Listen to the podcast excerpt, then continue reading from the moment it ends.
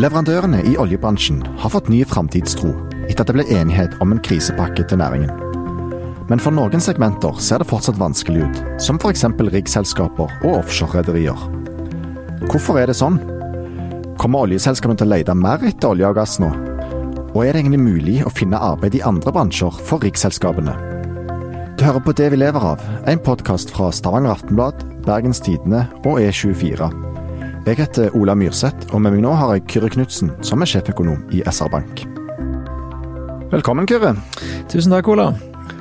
Forrige gang så snakket vi jo om leverandøren i oljebransjen, så nå har senka pulsen etter at det er blitt enighet om en krisepakke til oljeselskapene, som skal utløse investeringer for over 100 milliarder kroner. Likevel så er det sånn at eh, det er ikke alle bedrifter som leverer til oljenæring som ser like lyst på tilværelsen. Riksselskaper og offshorerederier er to segmenter det fortsatt ser litt vanskeligere ut for. Og vi i Aftenbladet hadde nylig et oppslag der overskriften var 'Riggnæring i krise'. Hvorfor ser det vanskelig ut for riggselskapene, Kyrre? Ehm, det er klart, For disse selskapene så var man jo først gjennom en, eh, en voldsom eh, oljeoppgang da, før 2014-2015. Ble eh, bygd mye, mye nye, nye rigger, ny kapasitet. og det var Man hadde en periode veldig lite rigger, og så ble det mye. Og så akkurat da fikk vi oljenedgangen, og da ble det en, et, eh, ja, for mange rigger i markedet i forhold til den etterspørselen som var den gangen. Og Så ble det jo bedring i 2018 og særlig 2019. Eh, høyere aktivitet. Men eh, det hjalp for bransjen, men samtidig så hadde man, var man fortsatt i en situasjon med egentlig for mange rigger og for lav aktivitet. Og når da korona gjorde at eh, ja, aktiviteten generelt i verdensøkonomien i Norge Oljeprisen ble lavere. Oljeaktiviteten ble nedjustert. Så var det en slags perfekt storm, for man hadde ikke helt kommet seg etter forrige runde. Som gjør at det er for mye, for mange rigger der ute til den etterspørselen som nå er. Tilbudet er for høyt, rett og slett. Men eh, har riggselskapene noen nytte av denne krisepakken i det hele tatt? Sånn generelt så er jo um, rigg i oppgang så er det høyere vekst normalt, fordi du borer mer og lete mer, og både, både mer boring i nærheten av eksisterende installasjoner med noe nytt, og så faller man mer i nedtur. Så man er mer sykliske, kan du si, enn den generelle oljeaktiviteten, som òg er syklisk i forhold til økonomien. Så, sånn sett så har det jo nytte av at det der blir oppgang. Um, og overordna så vil utsiktene òg for uh, riggselskapene være bedre etter oljepakken enn før oljepakken. Men det er klart at uh, det handler jo òg om hva er det som nå oljeselskapene vil prioritere. Og noe boring vil det jo bli, uh, men en del av de nye investeringene vil jo da gå på et vis rett inn i prosjekter altså bygge installasjoner, eh, gjøre det klart for produksjon. Så Sånn sett så er det ikke sikkert at det, det er liksom, Normalt så ville vi tenkt at utsiktene for boring kommer mer opp enn for de andre, men i den situasjonen vi er i nå, og med den pakken òg som hadde en sånn tidsinnstilling, for å si det sånn, som gjør at du, du vil få i gang altså de prosjektene som man har begynt med, det er de du vil gjennomføre. Du skal ikke lete etter nye prosjekter, men det er de du allerede har i pipeline som vil prioriteres. Så er det ikke sikkert at eh, vi vil oppleve det nå. Men jevnt over, ja, det er bedring. Eh, men det vil òg avhenge av hvordan oljeselskapene, hva prosjekter de prioriterer. Det er jo sånn at eh, Leting er noe av det første som kuttes i dårlige tider, og det er òg noe av det viktigste for riksselskapene, og noe av det de lever av. Er det grunn til å tro at selskapene vil lete mer nå framover som følge av denne krisepakken? Eh, alt annet like, så vil man nok lete mer. Det tror jeg. Men det er nok ikke sånn at leteaktiviteten oppjusteres eh, like mye Eller som jeg var inne på, i normale tider så ville vi nok sett liksom at når ting lysner, så kommer letingen veldig opp. Men nå som følge av innretning på den pakken, så kan det føre til i hvert fall på en måte leting etter nye felt. At det ikke det er ikke den jakten man begynner på nå. Nå det, prioriterer man de tingene som man har kommet et stykke på vei med. Eh, og så må vi òg huske at selv om jeg sier at utsiktene ser bedre ut, så er det sånn at Før krisen så venta vi en oppgang i år på kanskje 5% på aktiviteten på norsk sokkel. Og så ble det nedjustert til det laveste på minus 10% for i år. Og så gjør pakken at vi i år kanskje kom inn på minus 5% Men det betyr at det er jo fortsatt nedgang i forhold til der vi var i fjor. Så det er ikke sånn at pakken gjør at det ser liksom, Hvis vi sammenligner med 2019, da, at 2020 blir nok fortsatt et dårligere år enn 2019. Også 2021 òg, der venter man òg nedgang. Så man er jo på en, man er på en ned, Selv om det ser bedre ut, så er man fortsatt på nedgang. og Det òg tror jeg er viktig liksom for aktørene, at ok, denne pakken gjør at du får, du får en liten boost. Men sånn overordna så er det jo et marked som er i noe nedgang. Du var litt inne på det i starten, men vi har lenge hørt om uh, problemer for riggnæringen. Og det har pågått i mange år, egentlig. Hva er de største grunnleggende utfordringene den, uh, det segmentet av oljenæringen står overfor? Uh, det er store investeringer. Riggene er jo svære, spesialiserte. De er innretta mot olje og gass og eh, de skal vare ganske lenge. Sånn at eh, når du da får for mange rigger, altså en overkapasitet i bransjen, så eh, er det for det første ganske vanskelig å, å gjøre noe annet med de. Man kunne jo tenke seg at de kunne gjøre andre operasjoner, f.eks. inn mot om det var mot vind, eller altså fornybar energi, om det var mot oppdrettsbransjen, i en eller annen forstand. Og det er mange som prøver å få til f.eks. oppdrett med, med, basis i å bruke rigger. Men eh, det er ikke så lett å ta inn en rigg som har kosta mye, og som har hatt uh, i en verdikjede der det er uh, ja, investeringene høye, lønnsomheten har vært høy, og så flytter den over i en annen bransje som man ikke er, spesiell, ikke liksom er, er lagd for. Så, så, det er én utfordring, både liksom den langsiktige naturen og den liksom, hvor spesialiserte de, disse riggene er. Og så er det òg, da kunne du tenkt ja, men du kan bare legge de på lager, da. Men problemet er sånn, dette med sånn warm stacking og cold stacking, at uh, hvis du legger en rigg kaldt for lenge, det å starte opp i en rigg fordi at det er, det er, veldig, det er fantastisk ingeniørarbeid, det er komplisert byggverk, det er ganske vanskelig. Sånn at uh, man òg vegrer seg for å legge de veldig kalde lenge, for da kan de òg miste mye verdi, og det blir òg risiko med oppstarten. Så du får liksom ikke tatt ut kapasiteten heller. Så det gjør jo òg at liksom problemet vedvarer, for tilbudssida er ikke så fleksibel. Det er ikke bare å flytte riggene over på noe annet. Og så er man jo, så kan du òg tenke deg ja, vi kunne flytte til andre steder i verden. Men Norge er jo en omtrent samme syklus som resten av verden når det gjelder olje. Og så er det også sånn at eh, standarden på norsk sokkel har typisk vært høyere enn andre steder, og da har derfor riggene vært dyrere og ratene har vært høyere. Så hvis du skal over i andre markeder, så er det ikke for det første ikke sikkert at de er bedre. Og for det andre så eh, skal det mye til at du får liksom samme betalingen som du har fått på norsk sokkel, f.eks. Er det forskjell på riggselskapene og hvor rusta de er for å takle den situasjonen som pågår nå?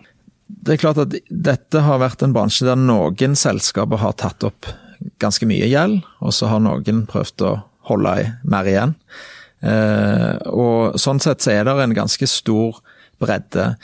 Utfordringen selvfølgelig når markedet blir som det blir, så blir jo ratene lave for alle. Det har vært vanskelig for noen å si at vi er vi har ikke tatt opp så mye gjeld, så derfor skal vi ha noen andre rater. Så det er et, et ganske velfungerende marked.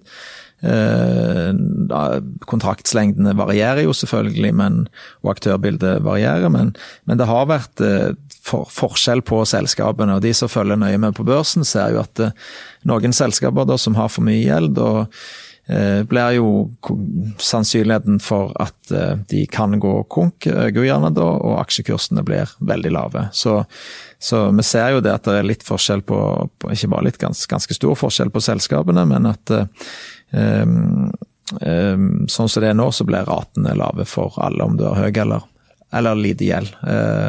Og så er det uansett sånn at gjeldsgraden eller siden disse investeringene er store, riggene er store, de er dyre, så er det, er det mye kapital eller òg mye gjeld i bransjen. Så er det noen selskaper som har uh, eh, satsa veldig på spesialrigger, f.eks. Uh, eh, rigger som er spesialisert for veldig harde forhold eller uh, dype, uh, dypt hav. Kan det ha noe å si og, for hvordan de står? Um, ja, litt sånn både òg, da. Det, um, der kan jo noen av de har jo gjerne fått litt lengre kontrakter òg, hvis de har vært spesialiserte. Det har vært nødvendig for operatørselskapene å ha de. Mm. Så det mm, kan jo beskytte deg en liten periode. Ulempen er jo da at hvis det, hvis det ikke er behov for det eh, lenger, eller betalingsviljen blant oljeselskapene er der, eller de eller det blir et skifte inn mot om det er grunnere vann, eller at interessen for dypt vann kanskje i en periode fordi at det kan være mer komplekst og ta leng lengre tid å utvinne, at den banen, forventningsbanen kan endre seg, kan gjøre at liksom det langsiktige behovet kan bli lavere der, da. Så gjør at man blir mer utsatt. Men tanken var jo å få rigger som var eh, spesialisert eh, for ulike, om det var eh, dybder eller Eh, eller type, som du sa, om det er sånn eh, Hvor mye bølger og sant, hvor harde forholdene var. da. Eh, og Vi husker jo disse ulike katt, kattriggene som Det var vel Equinor som hadde de ute, rett og slett for å prøve å kategorisere det mer. da, At du trengte ikke å spekke alt liksom helt opp til harsh environment. Men det er nok det er nok uh, Hvis man blir for spesialisert, så blir man òg litt utsatt altså, for endringer i liksom, det markedet som man har sikta seg inn mot. I hvert fall hvis det er det som betaler mest. Mm. Så det kan egentlig slå, slå begge veier, akkurat uh, en sånn satsing, da. Ja. Du har jo vært inne på det, men et av problemene er at det er for mange rigger i markedet. Høyt tilbud og lav etterspørsel det er jo som kjent en dårlig kombinasjon og Det er bred enighet egentlig om at rigger må ut av markedet, og at de må skrotes for å få en balanse i markedet. Hvorfor sitter det tilsynelatende lenger inne og faktisk gjør det? Hvis man skal skrote rigger, så, så må jo noen gjøre det. Altså Hvis meg og deg eier én rigg hver og er i samme markedet, og det markedet bare tåler én rigg, så må jo vi bli enige om hvem sin rigg er det som skal, som skal ut av markedet. Skal det være en slags Blir det noen kompensasjon for det, eller blir det bare tap for deg og en gevinst for meg? Så da er det jo sånn at hvis du har mange nok aktører, da, så blir den koordineringen som man kan si ja, kan ikke bare ta ut en rigg der, men hvem skal gjøre det, og hvordan? Og så venter man jo eh, på Dette gjelder jo òg på offshore båter, da, men så har de jo sett noe konsolidering. Og så forventer man kanskje at det skulle at det skulle føre til at noen flere rigger tas ut, men eh, det ser ut som man vegrer seg av flere grunner. Eh, men den ene er rett og slett at noen må da ta et eh, tap som blir litt tydeligere enn hvis man holder det gående. Så kan man jo òg tenke seg at markedet her, i hvert fall før korona, at liksom, ok, markedet begynner å ta seg gradvis opp igjen, så det var utsikter til at ja, hvis vi får ett til år som er så noenlunde ok, så, så kan, det bli, kan, det bli, bedre eller mer, mer normalisert. da. Så det er, et, det er et kjempeinteressant spill. Det minner jo òg litt om sånn, sånn som OPEC holder på. Sant? Når OPEC kutter i sine produksjonskvoter, så er det jo noen andre som tjener på det, og det er grenser for hvor lenge de vil gjøre det. I riggmarkedet så er det det samme. Hvem er det som, ja, hvem er det som skal ta ut eh, rigger av markedet, da, og hva skal de gjøre med de? Skal de som jeg sa, legge de på bare ta de ut at de ikke er tilgjengelige, eller skal de skrote de helt? Skal du skrote de eldste? sant? Så det er ganske, det er nokså utfordrende å få til det, og det blir utrolig spennende å følge framover òg, hvis, hvis, det blir mer konsolidering i bransjen, om det vil føre til mm, at flere, flere rigger skrotes. Mm. Um, og så er det mye snakk om at leverandøren i oljenæringen skal finne nye bein å stå på. Eh, for riggselskapene, som hovedsakelig lever av å bore brønner ute på sokkelen, og som eier typisk store, dyre rigger, så, så kan det kanskje se vanskelig ut øh, å få til en sånn omstilling. Du var litt inne på det, men finnes det muligheter i andre markeder for disse selskapene? Man har jo prøvd øh, en del forskjellig. Jeg nevnte dette med øh, oppdrett. Men det er på et tidlig stadie ennå, og det er òg kanskje vanskelig å se for seg at du egentlig bruker rigger som har vært som har vært brukt. Eh, du kan bruke teknologien og kompetansen. Kanskje deler av en rigg, men det kan ikke være for dyrt heller. Sant? Sånn at du Det er nok begrensa inn mot det markedet òg, og så har det òg vært um, andre forsøk på å Kunne jo tenkt deg altså innenfor vind på et eller annet vis, at du kunne brukt noen av riggene til å om du enten installere havvind oppå de, eller Og det er jo et marked som har vært i sterk vekst, men der òg vil du gjerne ha sånn spesialiserte løsninger. Det, du må betale for mye hvis du skal overta noe av det som er der, eller iallfall har måttet gjort det. Nå kan det være at prisene kommer ned. Så det som kommer til å bli spennende framover, er jo det at når man etter hvert kanskje da blir må gjøre et eller annet med, med, med bransjen og se liksom, hvordan blir prisene i forhold til alternativbruken. For det er klart at til lavere prisen på en rigg blir, til mer kan du egentlig bruke den til, til andre alternativer. Eh, så det har vist seg vanskelig, og det er ikke noen sånn åpenbare nye markeder for det. Kan jo være et alternativ hvis én region Det skjer jo veldig mye i Brasil og dette pre-salt-greiene, men der har de jo, de òg møter jo samme utfordringene som oljebransjen verden over. Men det er klart at hvis en av de større regionene får litt gang på aktiviteten igjen, så kan jo det være én ting. Da, da, da, kan man kanskje bli litt mindre avhengig av det som skjer på norsk sokkel. Men i det korte bildet så, så er det vanskelig å se for seg at eh, de, de krevende tidene skal gå fort over. Et segment som henger tett sammen med rigg, det er jo offshorerederiene, som bl.a. leverer ankertjenester og forsyningstjenester til riggene. Hvordan ser det ut for de eh, rederiene nå? Det er mm, De opplever nok mye av det samme som eh, riggene. At i den koronafasen så har man utsatt så mye som mulig. Det handler jo om å beskytte produksjonen, selvfølgelig HMS, altså beskytte personell, redusere smitterisiko, men òg i forhold til likviditet og forpliktelser. og Man prøvde å skape seg et handlingsrom da, rett og slett med å skyve på så mye som mulig. Så eh, det har vært betydelig nedgang der òg. Og så er jo det et eh, Hvis du ser på offshorerederiene samla, så er det jo litt sånn ulike kategorier. da, Alt fra de fra de minste PSV-ene. Eh, og de er jo De er ikke så dyre, og de eh, har nok flere alternative anvendelser.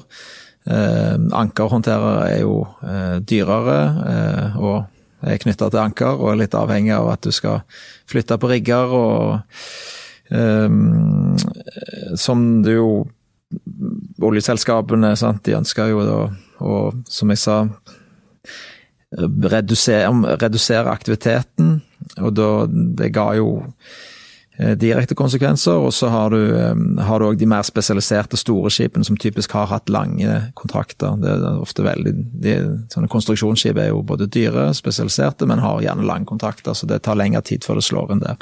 Så de har for så vidt en litt bredere, mange flere av de har en bredere verdikjede å jobbe med, da enn riggene. Men samla sett så rapporterte de i hvert fall sjøl, hvis vi ser på hva mm, Rederiforbundet samler inn informasjon, og der forventa både rigger og offshore Det var riktignok sånn i ja, slutten av april så forventa begge de segmentene nedgang på opp mot 30 i 2020.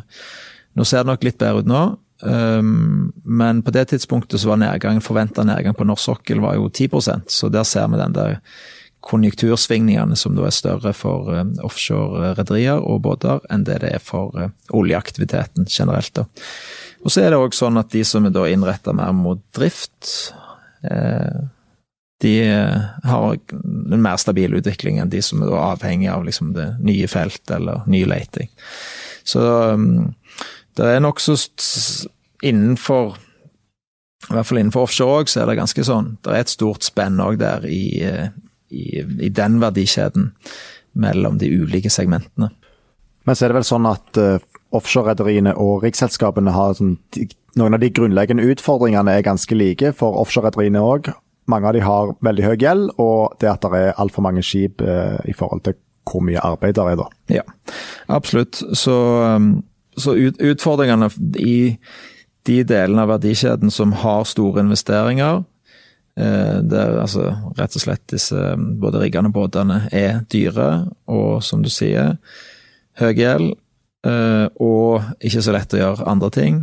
De opplever mye av de samme utfordringene. Så, og Det er jo det som har vært sånn interessant med å følge og hele oljeservice, at det, det har vært så stort spenn. Og for noen som har vært veldig oljeservice, altså oljeservice, de har mer beveget seg i mer sånn energiservice. Der har f.eks. For fornybar energi blitt viktig og stort. Mens for andre, og sånn som for Rigg Offshore, så er det vanskeligere liksom å, å komme ut av den oljeavhengigheten. Dere i SR-Bank eh, presenterer jo fire ganger i år et eh, konjunkturbarometer der dere tar pulsen på næringslivet i Sør-Norge, kan vi vel si, grovt sett. Hvordan å bryte de funnene dere gjør der ned på helt spesifikt rigg- og offshorerederier? Vi trekker jo et sånn tilfeldig utvalg av ganske mange bedrifter. Men det er relativt få eh, eh, riggselskaper og rederier rett og slett fordi at de er veldig kapitalkrevende. Sånn at de samles ofte på få selskaper. Så når vi trekker, så trekker vi vi trekker gjerne et rederi og eh, et offshoreselskap, men det blir ikke mange nok til at vi har det som egen kategori. Men vi kategoriserer da de selskapene etter oljeomsetning.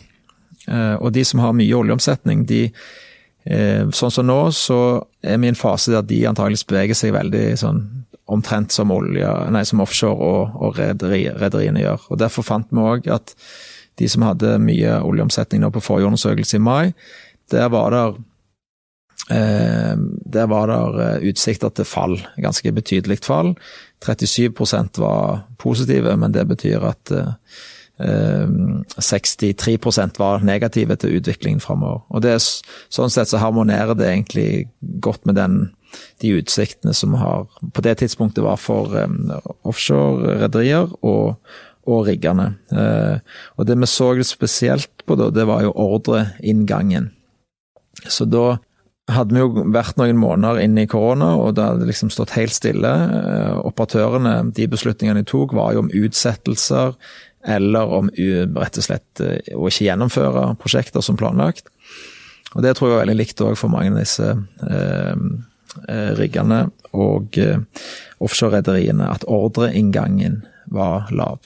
Men så kom pakken, og så har det bedra seg litt. og det skal bli, for nå, nå nå plutselig så gikk vi fra full stopp til kanskje at det løsner opp, så vi kan få en sånn liten ketsjup-effekt, som jeg tror kan være veldig kjærkomment for ganske mange.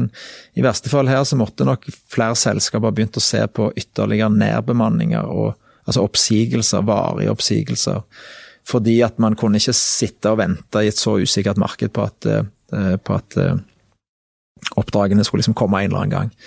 Hvis du tar prosjekter som eh, Noaka, som er et stort prosjekt, 50-60 milliarder investeringer. det ligger sant, Den store aktiviteten der kommer ikke i år, men det at bransjen får en bane å jobbe med, kontrakter som kommes ut, selv om det ikke skal leveres på før neste år og året etter det, så er det liksom enormt viktig sånn signaleffekt, og ikke minst for å kunne planlegge for bransjen sånn som riggene òg, jobber og offshorerederiene, det jobber veldig mange folk enten i de eller tilknytta virksomhet, underleverandøren til de, langs kysten. Så det er voldsomt viktige næringer for, for uh, sysselsetting og, og, vekst og velstand langs kysten. Da. Og Derfor også var det viktig å få på plass en pakke som, uh, som bidrar til at næringen får noe å jobbe med i en periode der man òg driver omstilling mot andre bransjer. For selv om man på kort sikt innenfor rigg og rederier ikke har så lett for å omstille seg, så er det jo sånn at mange av disse var jo aktører, og de var jo gjerne fiskebåtredere eller et eller annet annet for mange år siden, sant? før vi fant olja. Så det er jo Det vil være nokså logisk å tenke seg at over tid så vil de òg vri seg mot andre bransjer. Men de, òg de, de trenger nok mer tid enn de kapitallette aktørene innenfor oljeservice eller energiservice. Um, så jeg er nokså sikker på at denne kompetansen vil, vil være liksom verdifull i en eller annen annen eh, variant noe nede i veien. Og så, har man òg en oljeaktivitet som er heldigvis en bane som ser noe bedre ut nå enn det han gjorde før støttepakken kom. Ja, vi har jo snakket mye om omstilling eh, opp gjennom, og det kommer vi nok helt sikkert til å gjøre framover. Det blir jo spennende å se hva tid den store omstillingen faktisk kommer. Jeg tror vi gir oss med det, Kyrre. Takk for at du var med. Takk skal du ha, Ola.